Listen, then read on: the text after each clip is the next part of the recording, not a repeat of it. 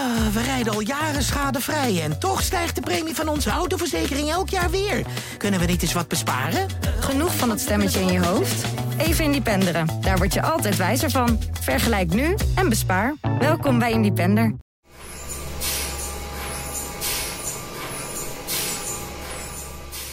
Mooi hè? Weet u wat dit is, wat u hier hoorde? Dit is nou het geluid van een quantumcomputer. Een nieuw type computer dat in de toekomst onvoorstelbaar sneller moet gaan rekenen dan de huidige supercomputers. En wetenschappers werken niet alleen aan die quantumcomputer, maar ook al aan het begin van zoiets als een quantum internet, zodat dit soort computers met elkaar kunnen communiceren. En op dat gebied is net een eerste doorbraak van onderzoekers in Delft. Welkom bij Ondertussen in de Kosmos, de podcast van de wetenschapsredactie van de Volkskrant. Mijn naam is Tony Mudde, chef van die wetenschapsredactie. En ik zit hier met wetenschapsredacteur George van Hal, die liefst twee jaar lang een bijzonder experiment volgde aan de TU Delft over zo'n quantum internet, de bouw van het eerste quantumnet. Maar voordat we de diepte induiken, ik weet hier namelijk heel weinig vanaf, moet ik echt eventjes wat basisvragen stellen. George, help us out. Wat is een quantumcomputer? Ja, wat is een quantumcomputer? Ja, dat is een hele goede vraag. Kijk, dat, dat geluid dat je bijvoorbeeld net hoorde, hè, dat is uh, ja, inderdaad het geluid van een, uh, van een quantumcomputer. Maar eigenlijk vooral het geluid van de koelkast waar zo'n quantumcomputer dan in hangt. Mm. Want uh, nou ja, deze dingen zijn zo raar dat je ze moet koelen tot bijna het absolute nulpunt. Kouder dan de ruimte, zeggen, zeggen veel van die makers dan ook wel. Met een, met een beetje gevoel voor spektakel. -huh. dat is dus alleen al nodig om een quantumcomputer te kunnen maken. Ja, wat, wat is dan zo'n quantumcomputer? Um, heel in de basis een computer die op een andere manier rekent dan een gewone computer. En daarmee, als het uh, een beetje meezit en je kunt daar de goede software voor ontwikkelen, um, kan die heel veel dingen sneller dan zelfs onze beste huidige supercomputers. En zo'n quantumcomputer, is dat iets uh, wat uh, op mijn bureau past? Of heb je daar een vrachtwagen voor nodig? Nou, dat ligt dus een beetje aan uh, wat voor een quantumcomputer je hebt. Uh, de beste quantumcomputers die nu gebouwd zijn, die bestaan uit uh, 50 zogeheten qubits. En qubits, dat zijn de quantum tegenhangers van gewone bits. gewone computers die rekenen met, met nullen en enen. nou ja, bij wijze van spreken lampje aan of lampje uit. Quantumcomputers die rekenen dus met qubits. En uh, die kunnen ook 0 en 1 tegelijkertijd zijn. Dat is een van de bijverschijnselen uh, van die gekke kwantumwereld uit die, uit die tegenintuïtieve kwantumfysica. Want die beschrijft de wereld op echt de allerkleinste schaal. De schaal van, van elektronen, zeg maar, van elementaire deeltjes. En um, ja, daar zijn wij gewoon niet mee opgegroeid. Want wij zijn opgegroeid in een wereld van een meter bij een meter ongeveer. Ja. En daar werkt de natuurkunde gewoon heel anders. Nou ja, kortom, uh, dat zijn dus qubits. En dan ligt het er een beetje aan wat voor qubits je bouwt en hoe je die koelt, wat voor formaat je nodig hebt. Um, die apparaten die je in het begin hoorde, die koelkasten waar ze in zitten, die zijn meestal, nou ja, uh, uh, formaat uh, flinke biertank, zeg maar. Ja. een, paar, een paar op elkaar gestapeld. Dan heb je, dan heb je zo'n quantumcomputer. Um, ja, zo groot zijn ze nu ongeveer. Maar hoe groot ze straks zijn, dat ligt ook aan de technologie en hoe je zoveel mogelijk van die qubits dan in één stukje ruimte geprop, gepropt krijgt. Dus uh, daar is dat vooral van afhankelijk. En daar zitten dus schakelaartjes in. Oké, okay, de gewone computer, die heeft dus zo'n schakelaartje, die kan 0 of 1 zeggen. Ja. En is dus aan of uit. Ja. En dan zet je er heel veel achter elkaar. En daardoor ontstaat een soort rekenkracht waarmee wij al die dingen kunnen doen die we nu doen. Dat is namelijk uh, op je telefoon internetpagina's bekijken, noem maar op. Dat, dat, is, ja. dat is de basis, is dat. En die quantumcomputer die heeft dus een soort, zeg maar, de, de, de, de, de schakelaar, de, de, het krachtige dingetje wat alles veroorzaakt, wat zo'n computer kan. Dat heeft dus een schakelaartje dat niet alleen 0 en 1 kan zijn, maar dus ook alles daartussenin, allerlei standen en daardoor veel meer berekeningen kan maken. Zoiets is het toch? Of... Ja. ja, zoiets is het inderdaad. Ja, dat klopt. En um, dat is dus maar één van de twee dingen, want het andere ding is verstrengeling. Dat is de tweede quantum superkracht. Dat betekent als je twee van die qubits nou ja, bij elkaar brengt en, en een soort kwantumverbinding ertussen legt, dan zijn ze vervolgens met elkaar verbonden, hoe ver je ze ook weer uit elkaar haalt. Al, al zet je de ene op Mars bij wijze van spreken, dan uh, zijn die qubits nog steeds met elkaar verbonden. En uh, op het moment dat je dan iets met één qubit doet, doe je eigenlijk ook een beetje iets met die ander. En je kunt je wel voorstellen, als je dus al die qubits hebt die en 0 en 1 tegelijkertijd kunnen zijn. En ook nog eens allemaal op de een of andere manier met elkaar verbonden zijn. Dat je een ja, gigantisch handige uh, manier hebt gevonden om te kunnen rekenen. Uh, alleen de uitdaging is dan vervolgens hoe je daar het beste gebruik van maakt. En uh, ook even voor de totale leek. Wat zou je eigenlijk met die dingen willen? Wat, wat zijn er. Wat kan ik nu niet met de computers die er al zijn, waarvan ze zeggen van nou, als we daar toch eens een quantumcomputer voor hadden, dan nou, het idee waarmee het eigenlijk ooit begonnen is, is uh, de, de wereld zelf rekent met kwantum. Dat is gewoon de manier waarop de werkelijkheid in elkaar zit. Uh, dus stel nou dat je een computer hebt die net zo rekent als dat moeder natuur rekent, nou dan kunnen we daar misschien wel hele fantastische dingen mee gaan doen. Um, nou is het wel zo dat uh, moeder natuur wat dat betreft wat slimmer is dan dat wij zijn. Uh, want wij moeten daar hele ingewikkelde, uh, wiskundig in elkaar stekende algoritmes voor ontwikkelen om dat zo goed mogelijk te kunnen doen. Maar heel in de toekomst, en dan hebben we het over dingen waarvan nog niemand precies weet hoe je dat moet doen. De software daarvoor is nog niet geschreven. Maar kun je misschien uh, nieuwe medicijnen ontwikkelen die precies op jou zijn toegespitst, op, op jouw hele lichaam. Mm -hmm. En dan uh, dus perfect werken. Of misschien kunnen we wel het weer of het klimaat van de volledige planeet simuleren. Uh, misschien kunnen we wel handige materialen ontwikkelen waarmee we ons energieprobleem kunnen oplossen. Nou, je kunt het zo gek niet bedenken of het is wel eens geroepen als toepassing van de kwantumcomputer. En uh, daar hopen veel mensen dus op. Ja, het zijn dus nog toepassingen die, uh, ja, waar wij nu nog alleen maar van kunnen dromen wat het precies gaat worden. Ja, nou is het wel zo dat er bijvoorbeeld Google heeft op hun quantum chip bewezen dat ze sneller kunnen rekenen dan uh, zo'n klassieke supercomputer. Mm -hmm. En dat deden ze met een algoritme die, uh, waar je verder eigenlijk niks mee kon, behalve bewijzen dat je sneller kan rekenen dan een klassieke computer. Ja. Uh, dus dat is nog niet nuttig, maar het laat wel zien dat het, dat het principe al werkt. Ja, dus die com computers, die computers van de toekomst, die, die zijn er gewoon ook al. Ja, die bestaan al, maar in heel rudimentaire vorm eigenlijk. En dan de vraag, uh, oké, okay, dan, dan hebben we zo'n zo'n quantumcomputer, daar zijn we al mee bezig. En die doen het al een beetje en die kunnen supersnel rekenen. Maar dan zijn er dus ook nog eens onderzoekers die alweer de volgende stap willen zetten. En dat is die quantumcomputers met elkaar laten praten. Wa waarom zou je ja. dat dan willen? Nou ja, dat is naar het voorbeeld van het internet. En uh, nou ja, we weten ook allemaal dat internet, hè, dat is best wel een handige toepassing uh, voor gewone computers. Daar kun je van alles en nog wat mee doen. Uh, bijvoorbeeld, je kunt er op afstand mee rekenen. Hè. Als, je, als je gebruik wil maken van een supercomputer op dit moment, dan doe je dat via internet. Dan staat niet jouw harde schijf en jouw processor in je laptop zich een slag in de ronde te draaien. Maar dan laat je die ingewikkelde berekening uitvoeren op een verre supercomputer en dan krijg je je gegevens weer terug. Nou, als je net zo'n soort truc wil gaan uithalen met uh, twee quantumcomputers.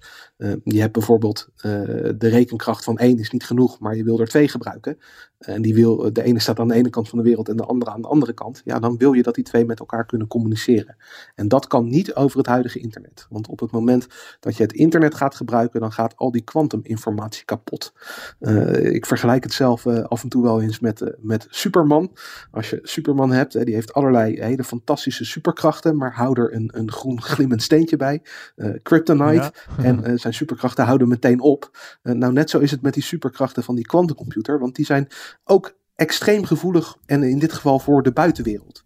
Uh, dus laat die los, uh, bescherm ze niet, die kwantumtoestanden, en ze, ja, ze lekken soort van weg in de wereld om ons heen. En dan verlies je die kwantumkrachten. Hetzelfde gebeurt als je kwantuminformatie probeert te meten. Dus je moet het je voorstellen, je hebt een soort gekke wolk die ergens tussen 0 en 1 in hangt. Uh, ga je meten, dan krijg je één antwoord. Dan krijg je 0,8 of, uh, of uh, 5 of nou ja, noem maar op. Ja. Eén concreet antwoord. En dan is die kwantumgekheid, waarbij het allerlei waarden tegelijkertijd heeft, die is meteen weg. Dus dan heb je die kwantumkrachten heb je vernietigd. En het lullige is dat bij het gewone internet, als wij gegevens van hier naar Amerika pompen op van die kabels die onder de oceaan doorlopen, dan moet je iets doen om ervoor te zorgen dat je onderweg niet al die gegevens kwijtraakt. En wat er dan gebeurt is, die worden continu gemeten en dan gekopieerd. En op die manier versterk je dus het signaal zodat het de andere kant bereikt. Mhm. Alleen dat kan dus niet met kwantuminformatie. Want als je dat steeds gaat meten en kopiëren, dan raak je het kwijt. Dus je hebt iets fundamenteel anders nodig dan het gewone internet om um, ook kwantumcomputers met elkaar te kunnen verbinden. Het is best pittig, hè, George? De kwantumcomputer. Het is Het is ingewikkelde materie, ja, absoluut. En, en het, het grappige is, uh, gewone computers waren eigenlijk ook ooit zo verschrikkelijk ingewikkeld. Um, als je uh, artikelen pakt over de ontwikkeling van gewone computers uh, uit de jaren 40, 50, 60 van de vorige eeuw, dan is het ook vreselijk moeilijk. Hè? Dan gaat het over al die transistoren die je op elkaar aan moet laten sluiten. Uh, de algoritmes die je daarvoor moet ontwikkelen. De machinetaal waarin die computers rekenen. Het is ontzettend moeilijk. Maar gelukkig uh, 50, 60, 70 jaar later uh, hebben we daar helemaal niks meer mee te maken. Dan kun je je mobieltje pakken. En dan heb je een heel handig besturingssysteem. En dan kun je gewoon wat toetjes intikken en je familie bellen. Of uh, skypen. Of op internet een nieuwe tv bestellen. Dat kan gewoon allemaal zonder dat je hoeft te weten hoe zo'n ding onder de motorkap werkt. En daar gaat deze ontwikkeling natuurlijk uiteindelijk ook naartoe. Uh, je hoeft uiteindelijk geen gepromoveerd natuurkundige te zijn om uh, op quantum internet in te kunnen loggen of om een berekening aan een quantumcomputer te kunnen vragen.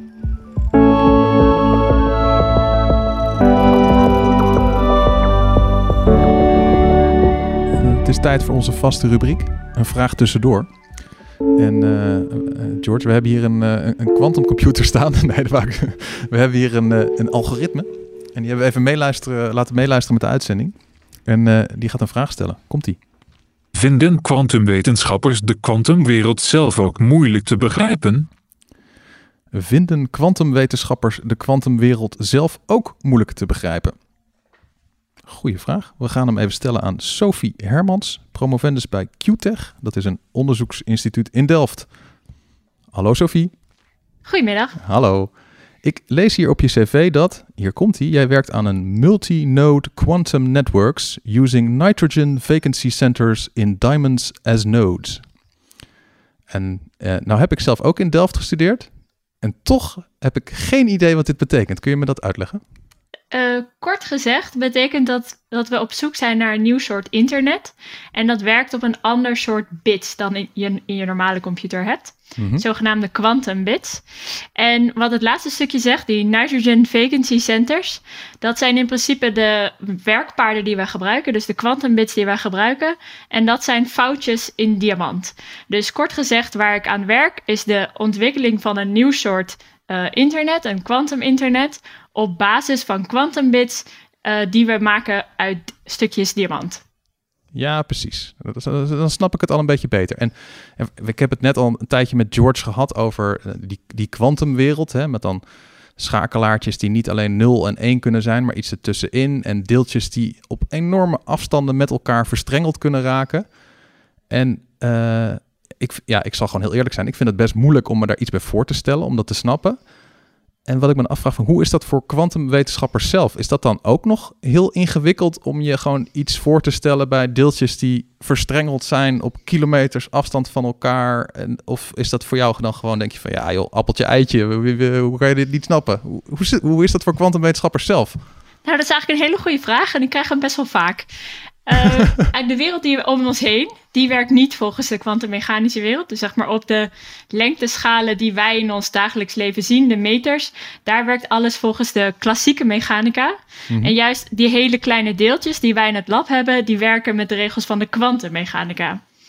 Uh, en in principe is dat heel contra-intuïtief, of zeg maar je intuïtie van wat je normaal om je heen ziet, die geldt dus niet voor die kleine deeltjes die we in het lab bestuderen. Uh, en dat is soms best wel moeilijk. Je kan wiskundig kan je alles beschrijven over wat er uit die experimenten zou moeten komen. Maar soms, gewoon omdat je zo erg gewend bent van wat je normaal in de wereld om je heen ziet, is dat gewoon best wel moeilijk te begrijpen. En ik zat erover na te denken of je daar nou een beetje een voorbeeld bij kan geven. En toen zat ik te denken van, nou, wat als je een Nederlander in Groot-Brittannië komt en dat iedereen er dan ineens links rijdt? Dat je ook continu moet nadenken van, oh ja, waar komt nou het verkeer vandaan? En je kan dat prima beredeneren, maar toch je intuïtie is soms, uh, ja, fout. En hoe vaker je zeg maar in Groot-Brittannië komt, hoe meer je soort van wel die intuïtie begint op te bouwen. Dus zeg maar, hoe vaker, hoe vaker ik metingen doe in de kwantumwereld, hoe meer intuïtie ik er zelf ook wel voor krijg. Maar nog steeds af en toe zitten we met z'n allen uh, rond uh, een schoolbord toch te bedenken huh, maar hoe kan dit nou eigenlijk? En dan moeten we toch weer al die wiskunde af, om er toch uit, daarna weer uit, uit te komen dat inderdaad in de kwantumwereld werkt het echt zo. Het is iets waar je dus wel gewoon langzaam aan kan wennen. Ja, ja. En uh, ik, nou heb ik zelf, wat, wat, wat ik de allerlastigste vind... Ik heb dus ooit een keer een stuk gelezen over uh, kwantummechanica... en daar stond dus in dat een deeltje tegelijkertijd op twee plekken kan zijn. Dat is echt iets wat kan in de kwantumwereld? Dat is, dat is echt iets wat kan. En, en valt dat ook... Ik, ik vind het me zo lastig voor te stellen dat iets, iets één ding op twee plekken tegelijkertijd kan zijn. Is, is, dat, is dat iets wat op de een of andere manier invoelbaar te maken is? Dat je dat toch snapt? Nou ja, ik wil zelfs eigenlijk nog wel de overtreffende trap hierbij vertellen, zeg maar hoe verwarrend het is. Dit is een uh, voorbeeld dat uh, uh, Charlie Marcus ooit bij een praatje heeft gegeven. Dat is een natuurkundige die in, in Denemarken werkt, als ik het correct heb. En die zei dat dus twee deeltjes kunnen op twee plekken tegelijkertijd zijn. Maar stel je voor, dus dat deeltje is uh, zowel hier als aan de andere kant van het universum. Het is bijvoorbeeld een lichtdeeltje. En dat, dicht, en dat lichtdeeltje raakt als het ware jouw netvlies. Jij ziet dat lichtdeeltje. Dat betekent ook automatisch dat het niet aan de andere kant van het universum is. Ja. Maar zo werkt het dus ook andersom. Stel je voor, er zou dus iemand aan de andere kant van het universum staan. En dat lichtdeeltje is in een superpositie van hier en daar. En daar krijgt iemand dat op zijn netvlies. Dan betekent dat ook instantaan dat dat deeltje niet hier is. Ja, ja precies. Maar, dat, daar kan ik me nog iets bij voorstellen. Iets van, dat lichtdeeltje maakt dan een soort reis. En op het moment dat die bij mijn oog is, is die niet ergens anders. Maar dat het dan iets tegelijkertijd op twee plekken kan zijn. Dat is toch echt heel lastig voor te stellen. Maar dat, dat, als je dus eenmaal langer in dat vakgebied zit, dan kan je dan gewoon dan toch mee werken. Ja, ja, het is als je zeg maar de sommen een paar keer voor jezelf hebt gemaakt, dan zie je gewoon dat dit komt er gewoon uit. Ja. Zo moet het gewoon zijn. Ja, fascinerend. En uh, kan je nog iets vertellen over je, je volgende stappen? Dingen waar je, waarvan je denkt van, nou, als ik dat ooit kan ontdekken in deze kwantummechanica, uh, dan, dan, uh, kan ik rentenieren of dan ben ik intens gelukkig? Uh, dat is een hele goede vraag. Ook in de wetenschap is daar niet altijd een heel duidelijk antwoord op, want je weet niet wat je niet weet. Ja. Uh, zeg maar, we onderzoeken tot aan de grens van wat, wat de wetenschap weet. En wat daarna komt, ja, dat is gewoon nog grijs, grijs gebied. Uh, er zijn natuurlijk wel een heleboel theorieën die alsnog getest kunnen worden. Maar wat ik zelf wel heel interessant vind, is hoe je dan al deze ontwikkelingen aan elkaar zou kunnen verbinden. Hoe je zowel dus de, uh, het onderzoek wat wij doen naar dus die uh, verstrengeling opzetten over lange afstanden, of zeg maar zo'n netwerk maken, hoe je dat echt kan verbinden met grotere kwantumcomputers. Dus echt een soort van toekomststap van hoe zou je er één groot systeem van kunnen maken dat is iets wat ik zelf heel interessant vind. Spannend. Nou, volgens mij heb je nog uh, heel veel jaren interessant werk te doen, als ik het zo hoor. Dat geloof ik ook. Ja. Dankjewel.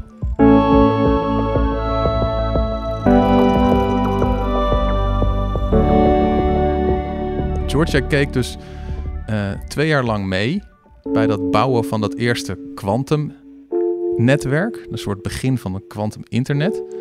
En wat, wat zie je dan daar dan eigenlijk? ja, dat is, dat is tegelijkertijd het mooie en het, en het misschien ook een beetje saaie. Want je ziet natuurlijk niet vreselijk veel. Zo'n zo'n quantum internet opstelling, dat is toch een beetje, uh, als je met ongetraind oog er naar kijkt, ziet het er een beetje uit alsof iemand gewoon een ontzettende rommel heeft gemaakt op een tafel met allerlei kabeltjes die door elkaar lopen en spiegeltjes en hier en daar uh, schiet er wat laserlicht tussendoor. Ja je moet echt wel weten waarnaar je kijkt, wil je daar een beetje uh, in, in die enorme chaos iets beginnen te herkennen.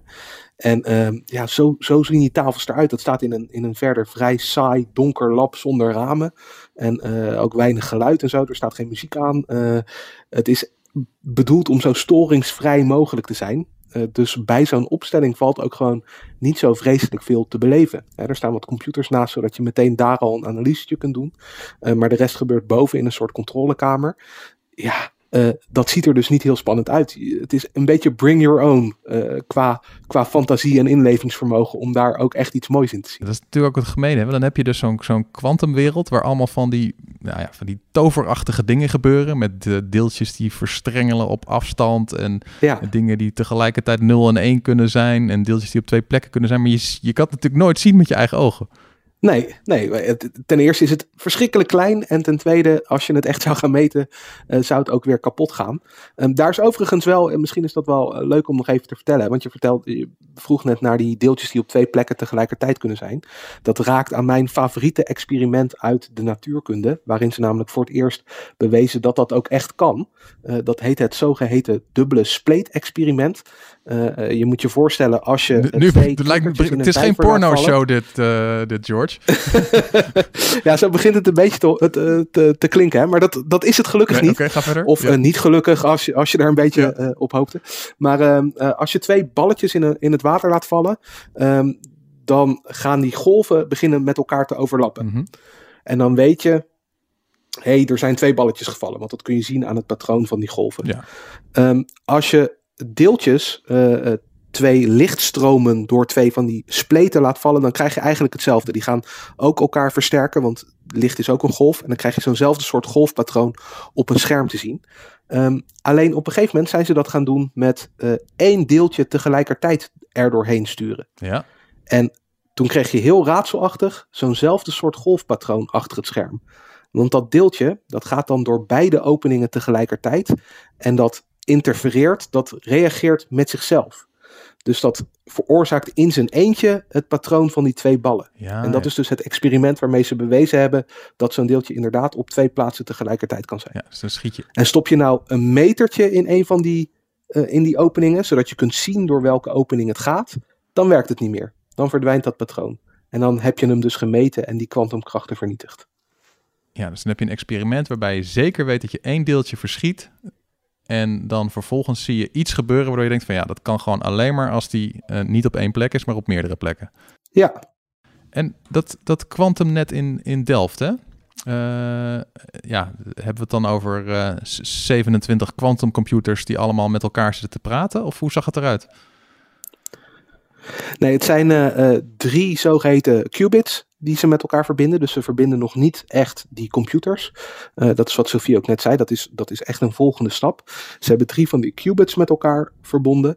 En die staan op ja, labtafels, zeg maar, ter grootte van een kleine studeerkamer. Ehm, daar nemen ze een hoek van in. En ze stonden zelfs, twee daarvan stonden in verschillende ruimtes. Dus ehm, een gedeelte moesten door de muur heen met kabels om naar de andere ruimte te gaan. En eh, die verbinden ze met elkaar. En dan uiteindelijk moet je bewijzen dat die eh, dingen ook daadwerkelijk verbonden zijn en dat je zo'n netwerk hebt. Dat was de grote opdracht voor, eh, voor deze onderzoekers. Ja, dus je hebt drie van die, van die kwantumschakelaartjes die dus met elkaar kunnen praten. Ja, ja, Ja, en dat is dan het. En, en, en ja, dus twee mensen, dat is een duo, maar drie begint al een soort netwerk te worden. En dan heb je een soort begin vanaf van het drie netwerk. heb je een netwerk. Ja, ja. En- En, twee was dus, al, was dus al vaker gedaan. En drie is echt een, eh, een wereldprimeur. Er zijn wel al netwerken gemaakt met alleen lichtdeeltjes, Mhm. met alleen fotonen. Ehm, maar dat is, ja, dat is een beetje vals spelen, want die lichtdeeltjes zijn vluchtig. Die kun je niet opslaan, je kunt er vervolgens niks meer mee doen. En dit zijn gewoon fysieke qubits, eh, waar je ook in theorie nog wat mee kan. En ze hebben dan ook bij dit netwerk voor het eerst een kwantumgeheugen eraan toegevoegd, die die kwantuminformatie heel eventjes kan, kan vasthouden. Dus eigenlijk eh, zijn het in zekere zin vier qubits, want er zit dus ook een, een qubit geheugen bij. Mhm.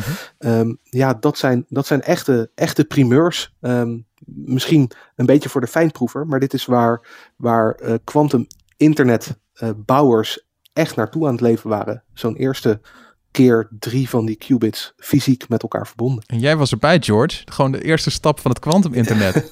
waarvan mensen over twintig jaar zeggen zo van, eh, ja, daar begon het. Het, het leuke en het jammere was dat ik mee mocht kijken natuurlijk. eh, maar dat halverwege eh, begon de eh, corona-epidemie over de, over de wereld te waaien. Dus kon ik daar niet zo vaak meer fysiek naartoe. Dus de uiteindelijke opstelling en het moment zeg maar dat het experiment gelukt is. ja, dat heb ik alleen van afstand via Zoom en via WhatsApp meegekregen. Eh, voor mezelf jammer, maar gelukkig eh, maakt dat eh, eh, voor- het volgen van het proces niet heel veel verschil. En bovendien is het ook zo dat de onderzoekers zelf dat dus ook op afstand hebben meegemaakt. Niet fysiek in het lab naast hun opstelling, maar thuis van achter hun eigen computer. Ze hadden software geschreven om al die dingen van afstand te kunnen bedienen. En eh, ja, we, gaan, we gaan even in, in, in de glazen bol kijken. Ehm, waar gaat dit nou naartoe over twintig jaar? Wat, wat, zijn, wat denk jij dat de gemiddelde mens dan aan het doen is waarbij dit kwantuminternet misschien wel gebruikt gaat worden? Nou, als we, als we geluk hebben, ehm, dan schiet het echt op met het bouwen van die quantumcomputers. Want daar zitten echt nog wel wat, wat fundamentele haken en ogen aan. Als dat namelijk niet lukt, ja, dan heb je ook op de korte termijn nog niet zo heel veel aan dit soort quantum internet toepassingen. Je kunt er wel veilig informatie mee versturen en zo, maar, maar dit wordt pas echt nuttig als je die, die grote quantumcomputers hebt en die op elkaar kunt aansluiten. Ehm, als die er komen, ja, dat duurt 20 tot 30 jaar, denk ik, voordat je er eentje hebt waar je nou, de gedroomde toepassingen waar we het eerder over hadden, uh, kunt beginnen te benaderen. Daarvoor is het allemaal nog een beetje spielerij eigenlijk. Uh, wel heel belangrijk en fundamenteel wetenschappelijk onderzoek, maar niet iets waar, waar wij in het dagelijks leven iets van gaan merken. Dus dat is de tijdschaal waarover je het hebt. Tegelijkertijd duurt het ook niet meer zo vreselijk lang, denk ik, voordat het kwantumnetwerk echt ontwikkeld is. Um, dus het zou best kunnen dat dat netwerk al af is voordat de computers die er uiteindelijk op aangesloten moeten worden, echt helemaal in de eindversie zijn waarvan, uh, waarvan mensen dromen. Maar dat is niet erg. Het is goed dat dat, uh, dat, dat tegelijkertijd gebeurt. Nou, als we dan nog iets verder dan jouw 20 jaar in de toekomst gaan kijken, uh, dan denk ik dat we uiteindelijk dit soort kwantumcomputers met elkaar laten communiceren.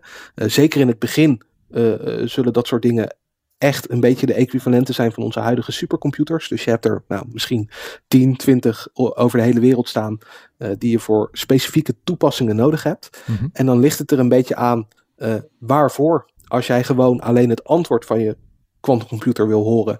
Hè, een beetje zoals in, uh, in uh, The Hitchhiker's Guide to the Galaxy, waar ze zo'n super slimme computer naar die answer to life, the universe and everything gaan vragen. Ja. En dan uh, wordt het antwoord, dat is dan altijd een beetje de grap, 42. Ja. Nou, als je zoiets wil van jouw quantumcomputer, dan heb je geen quantum internet nodig. Dan kun je gewoon op afstand met het gewone internet een vraag stellen aan die quantumcomputer. Die gaat rekenen en die proest uiteindelijk aan de andere kant het antwoord uit. Als je uh, die quantumcomputers samen wil laten rekenen, uh, dan heb je dat quantum internet wel nodig. En dat ga je op een gegeven moment uh, misschien nodig hebben als je echt hele lastige vraagstukken wil gaan oplossen. En dan hele lastige, dat zijn bijvoorbeeld van die mega grote klimaatberekeningen of uh, inderdaad van nieuwe ja, medicijntoepassingen. Ja, of of die, die, die toepassingen waar we het aan het begin over gehad hebben. Misschien als we uh, voor één mens een heel specifiek medicijn willen ontwikkelen. Uh, ja, het is nu niet te zeggen hoe moeilijk dat precies is, die berekening, omdat dat, dat algoritme nog niet ontwikkeld is. Misschien heb je daar straks al vijf quantumcomputers voor nodig die je op elkaar aansluit en dan een, een dag laat rekenen. Ja. Dat, is echt, uh, dat is echt nog niet te zeggen. Maar het is dus maar goed dat je die technologie wel al aan het maken bent om ze op elkaar te kunnen aansluiten. Nou, we hebben, je hebt nog uh, jarenlang hier uh, te gaan met uh, spannende wetenschapsjournalistiek over de volgende stappen van de quantumcomputer. Dat denk ik ook, ja. Dit was Ondertussen in de Kosmos. grote dank aan mijn gasten Sophie Hermans, kwantumwetenschapper bij QTech in Delft, en wetenschapsredacteur George van Hal, die dit weekend een groot verhaal in de Volkskrant heeft over de bouw van het eerste kwantumnetwerk. Uh, wil je niks van de Volkskrant missen? Je hebt al een abonnement. George, weet je dat? Voor hoeveel per week? nee, ik weet het eerlijk gezegd niet. 50 cent per week. Op volkskrant.nl slash lees kun je zo'n abonnement afsluiten. En wil je deze podcast niet missen, abonneer je dan op Ondertussen in de Kosmos in je favoriete podcast app. En de volgende keer gaan we het over iets heel anders hebben. Dat is namelijk de wetenschap van enig kinderen. We gaan het horen volgende keer in Ondertussen in de Kosmos. Mijn naam is Tony Mudde, chef van de wetenschapsredactie. Graag tot een volgende keer.